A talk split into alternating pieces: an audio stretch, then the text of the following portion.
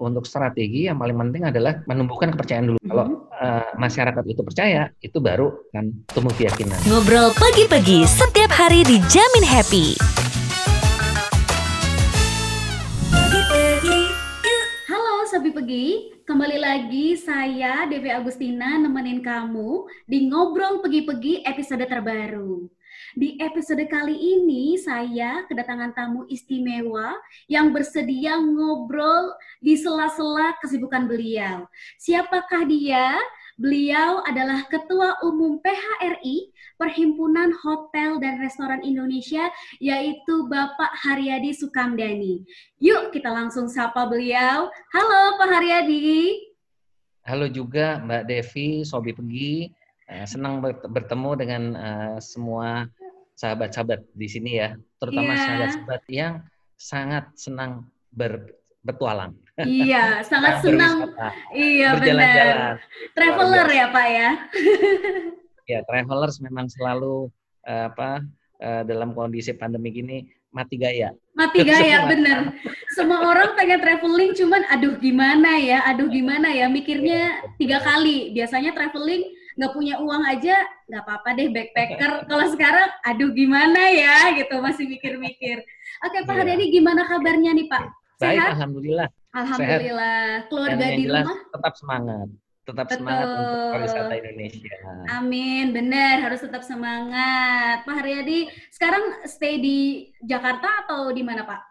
Saya di Jakarta. Saya Jakarta. base di Jakarta. Mm -hmm. eh, tapi karena pandemi ini, jadi semua kegiatan monitoring untuk kegiatan di daerah semuanya melalui virtual semua. Iya, oke okay, oke, okay. benar-benar. Saya juga sekarang WFH bahkan biasanya kita rekaman ngobrol pagi-pagi di, di studio. Ini sekarang kita pakainya uh, online ya Pak ya.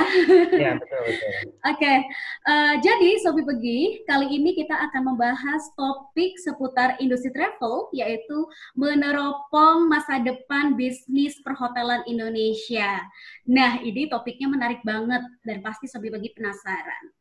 Sebelum memasuki topik perbincangan, supaya kita lebih mengenal bintang tamu kita pada episode kali ini, Pak Haryadi boleh Pak perkenalan tentang background dari Bapak terlebih dahulu Pak? Ya, saya uh, Haryadi Sukamdani. Saya adalah Ketua Umum Perhimpunan Hotel dan Restoran Indonesia uh, mulai dari tahun 2015. Wah. Jadi saya terpilih uh, ini adalah uh, term saya yang kedua dan saya juga ketua umum dari Asosiasi Pengusaha Indonesia atau okay. APindo mm-hmm. sejak tahun uh, Desember 2014 uh, eh, sampai hari ini. Ini juga okay. term saya kedua. Mm-hmm. Kalau nggak salah kemarin saya lihat Pak Haryadi di Metro TV kalau nggak salah ya sempat oh, iya, interview. Iya. iya. iya. Wah ini saya, saya mau wawancara kalau... orang ini nih dalam hati. Wah ini saya mau ketemu Pak Haryadi. iya. Kalau saya sendiri sehari-harinya saya ada di Sahid Group Uh, saya adalah presiden direktur dari PT Hotel Said Jaya uh, International TBK uh-huh. dan juga uh, presiden direktur dari PT Sahid International Hotel and Management uh, and Consultant. Jadi okay. uh, saya memang kegiatan utama saya sangat banyak bersinggungan dengan uh, pariwisata dan pastinya uh-huh. bersinggungan dengan uh, sobi pergi semuanya. Oh iya benar. Sobi pergi kalau pergi ke mana-mana pasti berhubungan sama uh, akomodasi kan. Iya, betul sekali. Sekalian adalah memang dunia saya. Jadi makanya ini pas banget kita mau ngomongin soal uh, bagaimana masa depan uh, bisnis perhotelan, akomodasi, makanya kita invite Pak Haryadi di sini. Ya. Oke, okay, Pak Haryadi boleh dijelaskan secara singkat nih, uh, selama menjabat sebagai Ketua PHRI, apa saja tugasnya yang dijalani Pak? Jadi uh, KPI saya itu adalah uh, pertama tentunya meningkatkan tingkat hunian hotel ya, tingkat mm-hmm. hunian hotel dan juga tingkat hunian restoran. Karena PRI kan tidak hanya hotel saja tapi juga restoran. Mm-hmm. Kedua adalah uh, bisa membuat industri ini semakin uh, efisien. Itu yang KPI saya kedua itu efisien dan mati kata uh, membuat apa marginnya profit apa tingkat keuntungan menjadi, menjadi lebih baik. Yang ketiga itu KPI saya adalah untuk meningkatkan kemampuan sumber daya manusia sektor uh, hotel dan restoran. Mm-hmm. Jadi itu. Lalu yang keempat adalah uh, apa KPIs yang keempat adalah bisa uh, membawa ataupun mempengaruhi ya regulasi pemerintah untuk lebih berpihak kepada pengembangan pariwisata Indonesia. Okay. Itu kira-kira itu Mbak KPI okay. saya. Jadi memang sangat bersinggungan dengan dunia pariwisata, khususnya yeah. perhotelan dan restoran ya Pak ya, sesuai Betul. dengan namanya. Oke, okay. Ya. yeah. uh, setelah tadi uh, Pak Haryadi menjelaskan background dari Bapak, terus kemudian tugasnya seperti apa.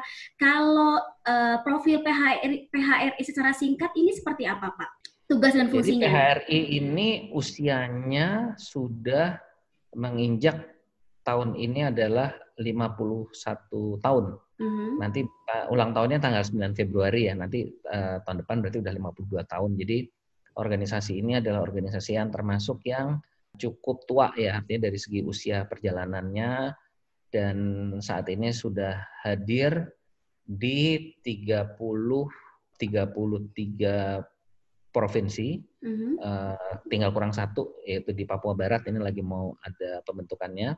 Mm-hmm. Dan yang berhimpun di kami itu kurang lebih adalah sekitar 8 ribuan, eh, sekitar 10 ribuan perusahaan yang bergabung, eh, itu terdiri hotel dan restoran. Mm-hmm. Nah ini mm-hmm. sekarang kami juga sedang apa terus untuk uh, membenahi uh, apa organisasi dalam arti kata untuk recruiting anggota, untuk uh, memperbesar Eh, benefit untuk anggota dan sebagainya. Dan sekarang ini di saat pandemi ini baru kerasa nih perannya PHRI oleh anggotanya kan karena kami eh, betul-betul menyuarakan eh, aspirasi permasalahan dari rekan-rekan pengusaha hotel dan pengusaha restoran.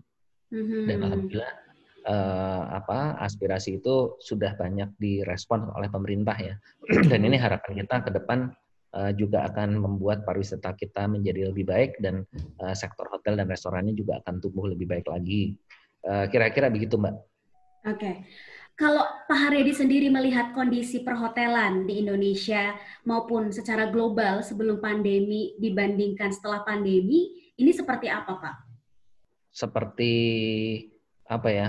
Langit dan bumi. Beda ya, Pak. Beda jauh. sebelum pandemi itu sangat luar biasa, tapi begitu pandemi langsung tiba-tiba di mana hilang. Jadi ini yang membuat kita juga uh, prihatin. Saya kemarin tanggal uh, 6 uh, hmm. Agustus, saya baru kembali dari Bali. Hmm. Uh, jadi kami melakukan uh, safe uh, travel campaign. Jadi kerjasama antara PHRI dengan INAKA.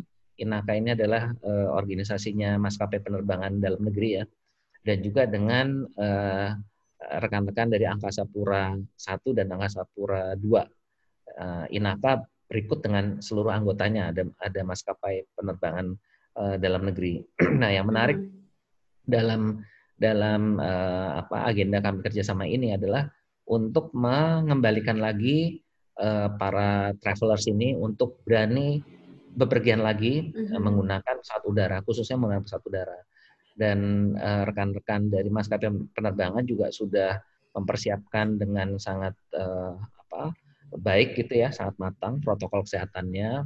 Bahkan uh, seperti di Garuda kemarin juga kami dijelaskan mereka sudah menggunakan HEPA filter. HEPA, HEPA filter ini adalah sebenarnya filter yang untuk menyaring udara yang ada di dalam kabin pesawat, apa menyaring uh, virus, uh, bakteri dan sebagainya dan juga sirkulasi udara di pesawat. Jadi setiap eh, kalau nggak salah setiap 5 atau 10 menit itu udaranya uh, terus berganti dengan udara bersih dari luar gitu. Jadi mm-hmm. uh, itu juga sangat positif dan uh, apa Ayata Ayata itu organisasi yang juga membawahi uh, untuk uh, apa uh, untuk penerbangan uh, itu juga uh, sudah menyampaikan juga pernyataan di bulan April kalau saya nggak salah ya itu menyampaikan pernyataan bahwa apa sangat kecil ataupun belum ditemukan adanya uh, penularan di pesawat udara. Jadi evidence-nya hmm. itu belum seperti belum ditemukan. Ya mudah-mudahan amit-amit ya sampai ada ada kasus ya.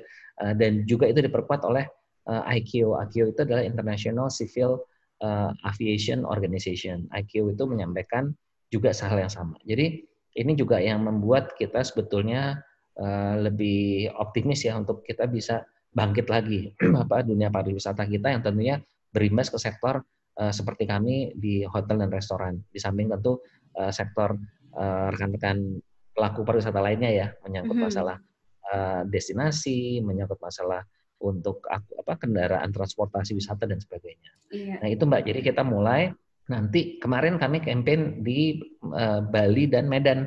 Nah nanti insya Allah di bulan eh di tanggal 20 Agustus ini kita akan akan launching untuk paket-paketnya. Jadi nanti akan hmm. menarik untuk Sobi Peggy, simak aja terus nanti di uh, seluruh maskapai penerbangan yang bekerja sama dengan kami, maskapai yang di bawahnya Inaka, itu ada Garuda, uh, ada Citylink, um, Air Asia, uh, Batik dan Lion itu nanti insya Allah kita akan bersatu uh, untuk membanding uh, antara hotel dengan tiket. Nah, hmm. jadi nanti menarik tuh beli sekalian di maskapai penerbangannya udah dapat termasuk hotelnya. Nah okay. ini nanti kita harapkan akan menggerakkan uh, kita ke kemarin sepakat untuk fokus Bali dulu karena Bali ini yang hmm. paling parah nih Mbak Devi. Oh, Bali yeah. itu tahun lalu yang datang wisatawan asingnya 6,2 juta orang. Nah sekarang ini udah bisa-bisan lah mungkin sekarang kemarin mungkin tinggal 2 jutaan kali karena sempat uh, bulan Januari Februarinya kan uh, turis dari Cina cukup banyak yang datang ya. Mm-hmm. Nah bisa dibayangkan bahwa Bali emang uh, parah banget. Mm-hmm. Nah ini yang kita support karena Bali itu uh, apa wisatawan asingnya 6,2 juta, wisatawan domestiknya atau wisatawan nusantaranya itu 10 juta mbak. Jadi mm-hmm. bisa dibayangkan 16 juta yang 6 juta hilang apa yang dari 6 juta itu tinggal 2 jutaan lah mungkin ya antara 2 juta kurang gitu. Jadi udah hilang sendiri 4 juta gitu. Nah, belum lagi yang domestic travelers, kita belum tahu nih eh, berapa yang hilang nanti. Nah, sehingga tanpa digerakkan kembali Bali, maka di sana uh, tentunya para pelaku pariwisatanya akan mengalami kesulitan yang uh, cukup parah ya. Apalagi yeah. Bali kemarin uh, bulan uh, Juli kemarin sudah diumumkan pertumbuhannya minus 10, hmm. 10,2 kalau saya nggak salah, 10,2 persen.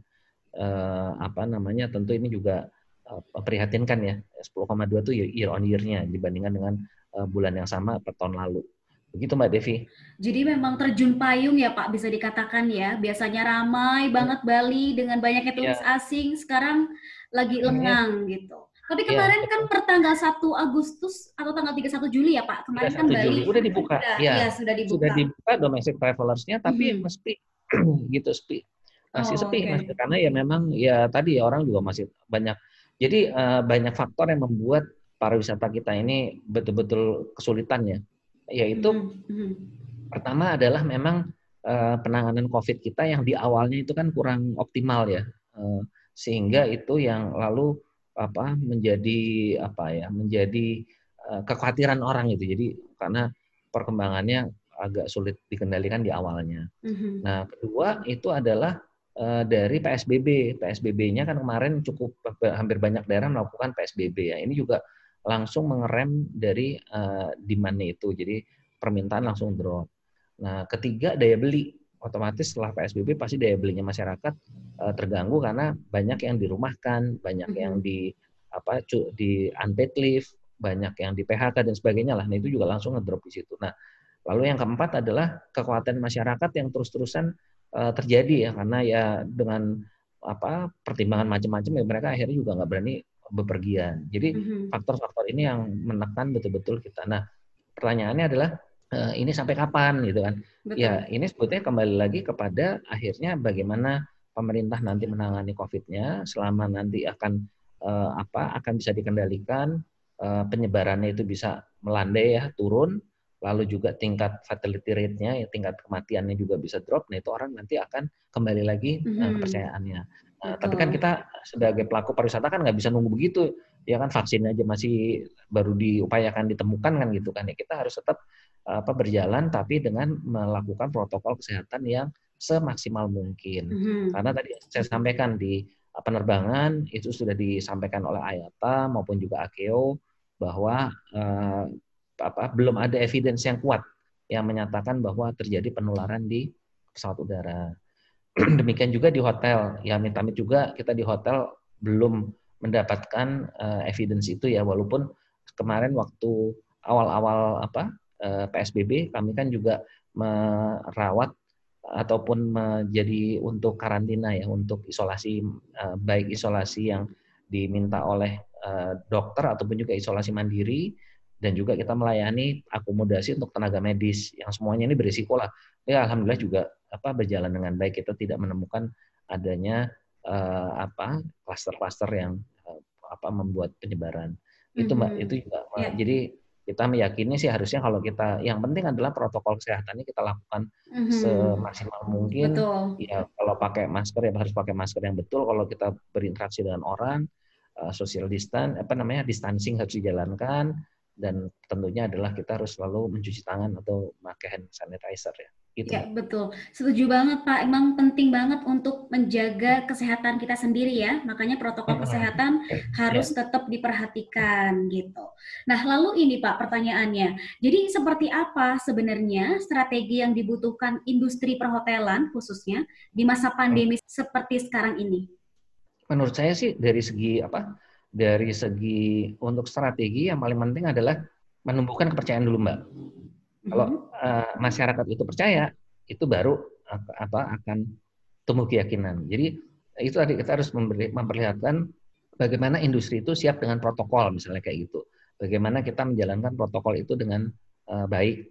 Bagaimana kita me, apa namanya memberikan uh, informasi yang clear tentang uh, bagaimana kita melakukan apa pengelolaan dari usaha kita terkait dengan ini ya terkait dengan apa uh, upaya untuk menghindari penyebaran penularan ya kan misalnya contohnya kalau kita melakukan apa uh, uh, uh, buffet misalnya bagaimana kita harus melayani orang jangan ngambil sendiri-sendiri tapi dilayani oleh uh, staf kita pada saat kita melakukan apa kegiatan di ballroom misalnya gitu. Nah, itu pengaturannya bagaimana kapasitasnya dan sebagainya yang artinya orang ada keyakinan bahwa oh ya kalau kita beraktivitas di hotel dan restoran itu memang sudah dijalankan prosedurnya dengan baik.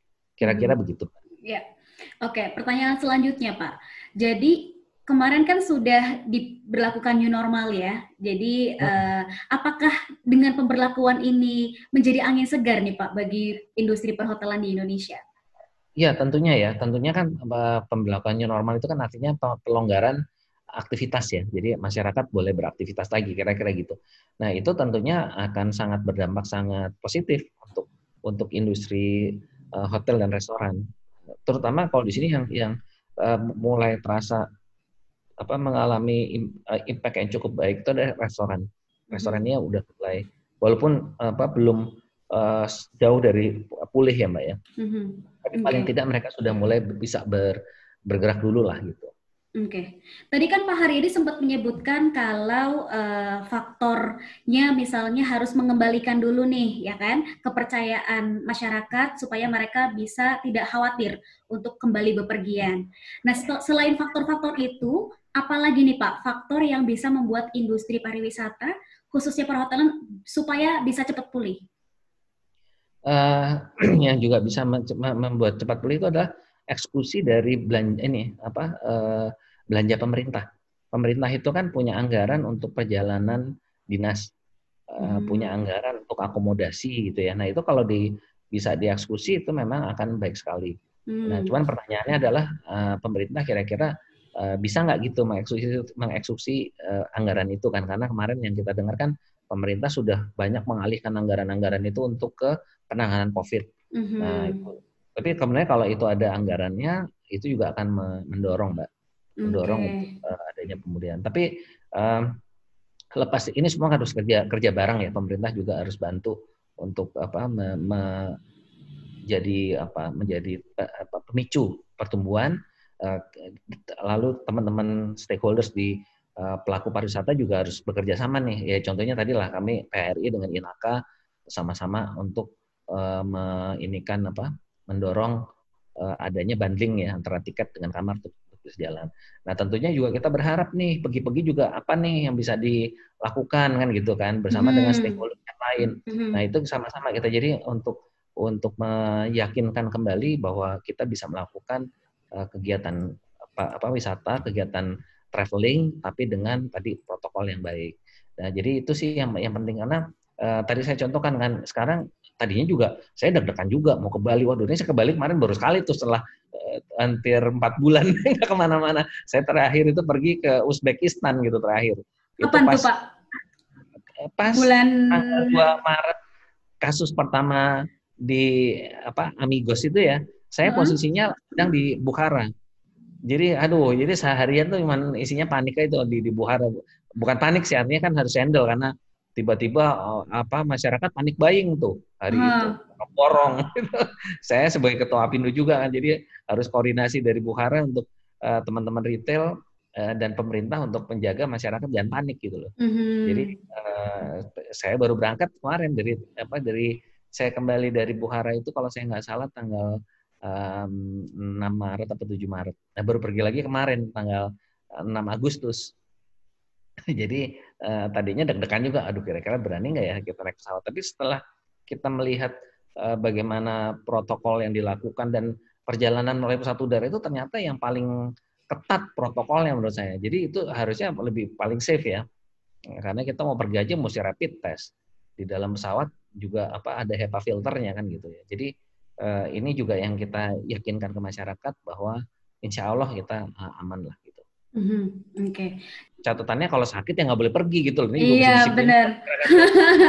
Itu ya nggak boleh keluyuran. Ntar jangan-jangan ada rekan kita yang karena apa udah kangen traveling gitu ya, oh, badannya nggak fit, tetap jalan. Wah itu bikin bikin malah bikin repot tuh. Jadi tentunya kalau yang sakit harus ataupun kurang fit harus istirahat, uh, bikin fit kembali. Yang sehat silahkan traveling. Betul, setuju Pak. Harus sadar sama diri kita sendiri dulu ya. Kalau kita yeah. sehat, ya kan, terus udah pakai semua protokol kesehatan nih, senjatanya sekarang kan harus punya senjata ya, masker, oh. ya kan, harus bawa hand sanitizer. Ya kan, masker juga jangan cuma satu, ya nggak sih Pak? Yeah. Kan iya. harus ganti-ganti ya. Jangan pakai yeah. satu masker untuk satu minggu, itu juga bahaya. Yeah.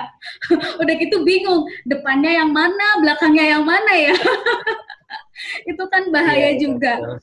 Oke, okay, hmm. jadi ini sih Pak, uh, saya juga pengen uh, pengen menyampaikan juga. Tadi kan Pak Haryadi juga sempat uh, mention bahwa apa nih yang pergi-pergi lakukan sejauh ini. Gitu. Nah, uh, kalau Pak Haryadi sempat notice di aplikasi kami, pergi-pergi ini punya uh, mengeluarkan apa uh, promosi terbaru. Ini fungsinya untuk apa? supaya kita membantu juga nih okupansi dari hotel ini uh, supaya lebih better daripada sebelumnya. Jadi kami punya namanya promo PSBB, Pak. Promo PSBB hmm. ini promo seru berskala besar. Nah, ini berjalannya ini secara periode nih, maksudnya rutin dilakukan. Gitu. Nah, ini lumayan sih, Pak. Maksudnya dari sini berhasil untuk uh, meningkatkan pemesanan hotel di pergi-pergi itu sendiri. Gitu. Iya. Ini Bagus, Pak. gitu. Nah, pertanyaan selanjutnya nih Pak Haryadi, tadi kan faktornya apa saja sudah uh, sudah disampaikan ya. Terus saya mau tanya ke Pak Haryadi lagi. Tadi kan katanya situasi new normal itu uh, cukup membuat angin segar untuk bisnis perhotelan. Nah, ini destinasi mana nih Pak yang sudah mulai terlihat adanya kenaikan hunian kamarnya Pak? Jadi kalau pemantauan kami yang apa yang um, mulai apa banyak uh, ini ya mulai banyak di, mulai di mana naik itu daerah daerah-daerah di uh, destinasi wisata di Jawa Barat. Mm-hmm. Nah tapi memang masih terbatas pada saat weekend aja. Okay. Weekend tuh kalau di Jawa Barat tuh agak lumayan uh, Bandung apa uh, Garut um, Cimahi Tasik maaf Tasik hmm. Lembang tuh agak mulai bagus tapi daerah lain masih sangat uh, low ya Jogja masih agak low uh, Solo juga demikian uh, Malang juga jadi uh, ini memang uh, apa perlu waktu lah perlu waktu hmm. untuk ini tapi uh, kalau untuk daerah-daerah untuk uh, apa uh, destinasi tertentu untuk hotel tertentu itu memang sudah mulai terlihat ada hmm. pergerakan. Hmm. Nah kita harapkan nanti ya dengan kampanyenya PHRI sama Inaka ini dan Angkasa Pura mudah-mudahan juga akan lebih membuat lebih meningkat lagi ya karena kemarin saya perhatikan laporannya Pak Faik Direktur Utama dari Angkasa Pura satu yang di Bali maupun juga Pak Awaludin dari Direktur Utama Angkasa Pura 2 di Jakarta itu juga menunjukkan uh, kenaikan uh, penumpang, Mbak. Mm-hmm. Ada kenaikan. Nah, kalau nggak salah di tiga hari di awal Agustus saja itu kemarin kenaikan untuk di Jakarta itu 250 ribu tuh gitu tiga hari. Nah padahal di bulan Mei satu bulan tuh cuman ada 90 ribu penumpang gitu loh mm-hmm. yang terbang selama, selama itu data BPS ya. Nah ini kan berarti ada angin segar nih. Mudah-mudahan ya pelan-pelan dengan adanya orang mulai traveling uh, itu juga akan berimbas positif ke pariwisata kita. Amin. Oke. Okay. Nah, ini Pak, ketika misalnya nanti situasinya akan uh, mulai pulih kembali ya, terlihat pulih kembali gitu. Lalu nanti tren menginap di hotelnya akan seperti apa, Pak? Saya rasa trennya juga akan baik ya dan memang apa teman-teman di perhotelan sudah saya ingatkan uh, untuk protokol kesehatan itu karena uh, ya akhirnya kan konsumen yang menentukan ya. Wah, ini memang apa uh, hotel ini memang bagus dan sebagainya. Nah itu yang kita juga selalu di internal PHR juga kita selalu sosialisasikan dan alhamdulillah sih kalau saya melihat teman-teman di PHR itu uh, sudah sangat siap ya. Yang buka karena masih ada juga yang tutup. Yang hmm. buka itu pasti dia sudah siap itu. Kalau yang tutup memang kita masih prihatin karena uh, dengan berbagai alasan lah mereka belum uh, berani buka karena merasa demandnya masih terlalu kecil. Mm-hmm. Tamunya masih terlalu kecil. Jadi kalau dibuka mereka takut tambah rugi. Tapi udah itu pilihan kan. Mm-hmm. Yeah. Tapi khusus yang udah buka, kami pantau, alhamdulillah bagus. Mm-hmm. Oke, okay. baiklah. Nah, sebenarnya nih Pak, ini juga kayaknya Sobi Pegi perlu tahu ya. Sebenarnya ada nggak sih Pak standar protokol kesehatan yang harus dipunyai oleh hotel pada situasi pandemi seperti ada, saat ini? Ada. Apa ada, aja PHRI sudah sudah mengeluarkan sampai tiga versi, Mbak. Hmm. Versi pertama di tanggal 5 Maret, versi kedua di tanggal 1 Juni, versi ketiganya itu tanggal 29 Juni. Jadi kita sampai tiga versi. Ya standarnya mengikuti apa yang disampaikan oleh eh, Kementerian Kesehatan dan WHO tentunya ya. Tapi memang ada stressing stressing eh, tertentu. Jadi misalnya kayak di hotel itu eh, bagaimana pengaturan untuk apa tadi buffet misalnya gitu ya untuk buffet itu uh, antriannya seperti apa? Antriannya bagaimana? Yang layanin siapa? Karena sekarang kita juga tidak apa tidak model ambil sendiri sendiri makanan tapi karyawan staff kami yang melayani. Lalu misalnya juga uh, apa kolam renang. Uh, ini kolam renang kan paling apa semua pada tanya-tanya ini boleh nggak berenang? Gitu kan. Mm-hmm. itu protokolnya ada. Karena memang di dalam apa kolam renang itu sebetulnya kan sudah ada kaporit ya. Memang yeah mematikan uh, virus sudah ada. Nah itu memang uh, sudah di juga kita berikan protokolnya. Tetap apa uh, jumlahnya juga tetap kita batasi yang berenang hmm. gitu. Yeah. Uh, lalu juga di kamar misalnya. Nah di kamar itu uh, apa bagaimana uh, melakukan proses disinfektannya. Nah itu juga kan berarti sekarang ya emang ada ada kos tambahan tuh karena ya ada biaya kan untuk menjaga kebersihan itu kebersihan dan higienisnya dari apa barang-barang ataupun juga properti yang bersinggungan ataupun eh, customer kita tinggal di situ. Seperti itu, Mbak. Iya, oke. Okay. Baiklah Pak, jadi ini kan tadi udah ngobrol soal bagaimana strateginya, apa saja protokol kesehatannya. Nah, kalau untuk prediksi nih Pak, kapan prediksi tren menginap di hotel ini akan mulai pulih seperti sedia kala? Kalau kita melihat perkembangan ini ya Mbak ya, eh, kami memprediksi kalau misalnya apa ya, karena ini bergantung kembali lagi kepada confidence masyarakat ya. Jadi kalau kita uh, ini berjalan dengan baik, pemerintah juga bisa mengendalikan apa apa angka kematian dan juga penyebarannya, maka kita perkirakan di sekitar bulan uh, November gitu ya, itu mudah-mudahan sudah semakin baik. Mm-hmm. Karena sekarang ini uh, kalau kita lihat Juli Agustus ini sangat pelan mbak ininya apa pergerakannya. Nah hmm. mudah-mudahan nanti uh, secara berlahan nanti kita harapkan di November itu at least kembali 50% harapan kita ya. Okay. Syukur-syukur bisa lebih, tapi paling enggak kita harapkan di November Desember itu sudah uh, tercipta angka yang lebih signifikan dari hari hmm. ini. Ya, biasanya kan kalau tahun baru yuklah kita staycation merayakan tahun baru di hotel-hotel favorit gitu ya Pak bareng yeah, sama keluarga. Yeah sama teman-teman. Itu harapannya nanti November udah mulai naik lagi trennya. Desember hmm. orang juga makin banyak karena merayakan ya, tahun ya. baru. Ya. Iya, mudah-mudahan. Dan walaupun apa tahun barunya kita besok pasti akan berbeda ya karena Beda harus social distancingnya harus ada. Jadi Benar. kita nggak bisa apa terlalu berdesak-desakan. Iya betul. Karena kemarin aja pas Lebaran kerasa banget bedanya. Ini pasti nanti ya. momen tahun baru juga pasti akan kerasa ya. sih bedanya. Benar. Betul, betul. Nah pandemi ini Pak kan memukul industri pariwisata Indonesia. Bahkan kita tidak dapat hmm. memastikan hmm. kapan ini sebenarnya akan berakhir krisisnya. Hmm, hmm, nah ini lalu seperti apa masa depan bisnis uh, atau industri perhotelan di Indonesia nih Pak? Satu Mbak ya, kalau menurut pandangan kami pandemi ini kan bukan baru ini kali gitu ya. Mm-hmm. Tahun tahun 1918 juga udah ada flu Spanyol kan gitu ya, dan mm-hmm. itu juga akhirnya bisa teratasi. Apalagi sekarang dengan kemajuan teknologi, insya Allah uh, vaksin dan obatnya bisa ditemukan uh, tidak terlalu lama. Jadi keyakinan kami bahwa pandemi ini uh, kemungkinan insya Allah bisa diatasi. Nah, tinggal waktu aja.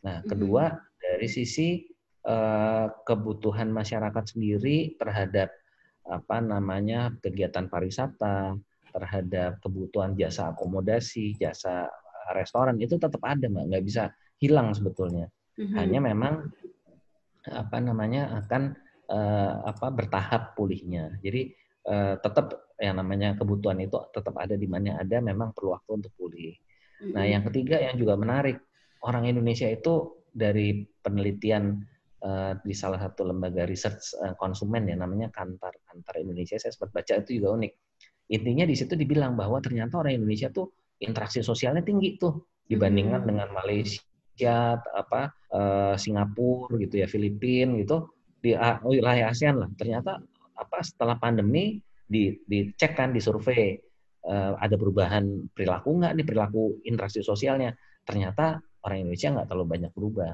yang lain itu menjadi sangat ekstrim lah gitu ya. Mm-hmm. Tapi bukan saya bilang orang Indonesia nekat ya, gitu ya.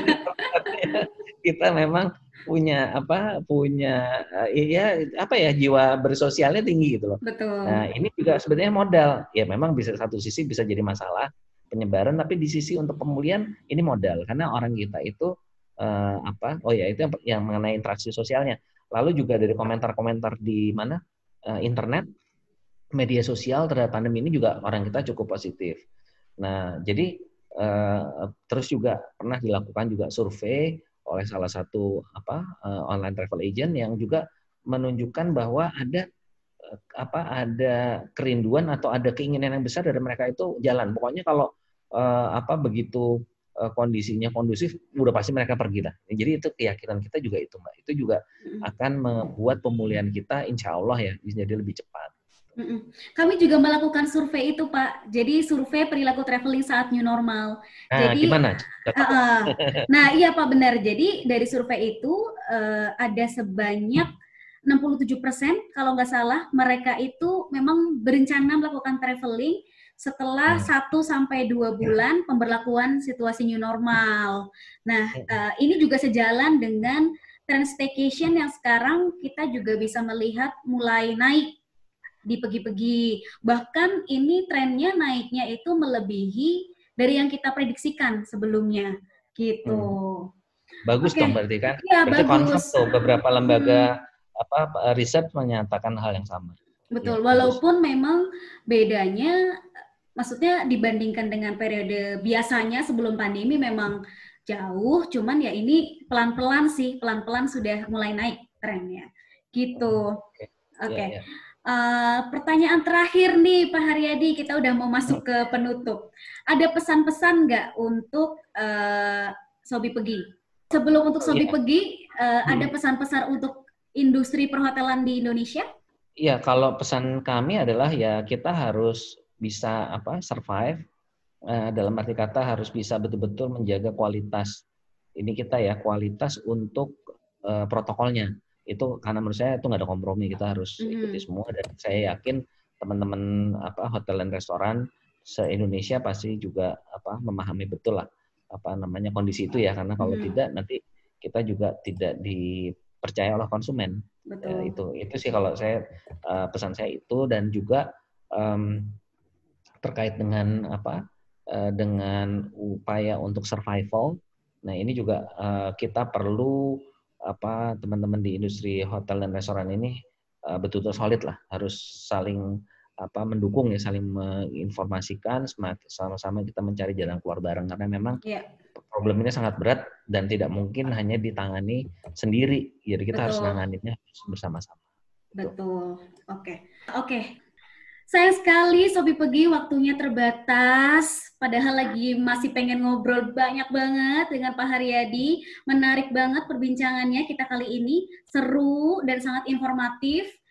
Sebelumnya saya mau ucapin terima kasih banyak Pak Haryadi telah menyempatkan Sama. waktu untuk menjadi ya, narasumber.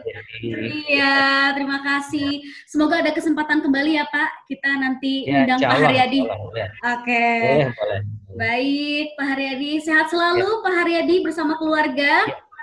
Sama-sama Mbak. Devi ya. dan juga Sobi Pergi harus jaga kesehatan, uh, harus uh, jalankan protokol kesehatan dengan baik harus. dan uh, tetap semangat, mm -hmm. tetap beraktivitas dan uh, ayo kita traveling lagi. Ayo. Oke, Sobi pergi. Jangan lupa ya, tadi tetap perhatikan protokol kesehatan di mana pun kamu berada. Semoga kita semua sehat selalu. Saya Devi Agustina pamit. Sampai ketemu di episode Ngobrol Pergi-Pergi selanjutnya. Bye. Bye, Pak. Jangan lupa download aplikasi Pegi-Pegi di App Store dan Play Store. Dan follow sosial media Pegi-Pegi di Instagram at Pegi underscore Pegi, Facebook, serta Twitter at Pegi-Pegi.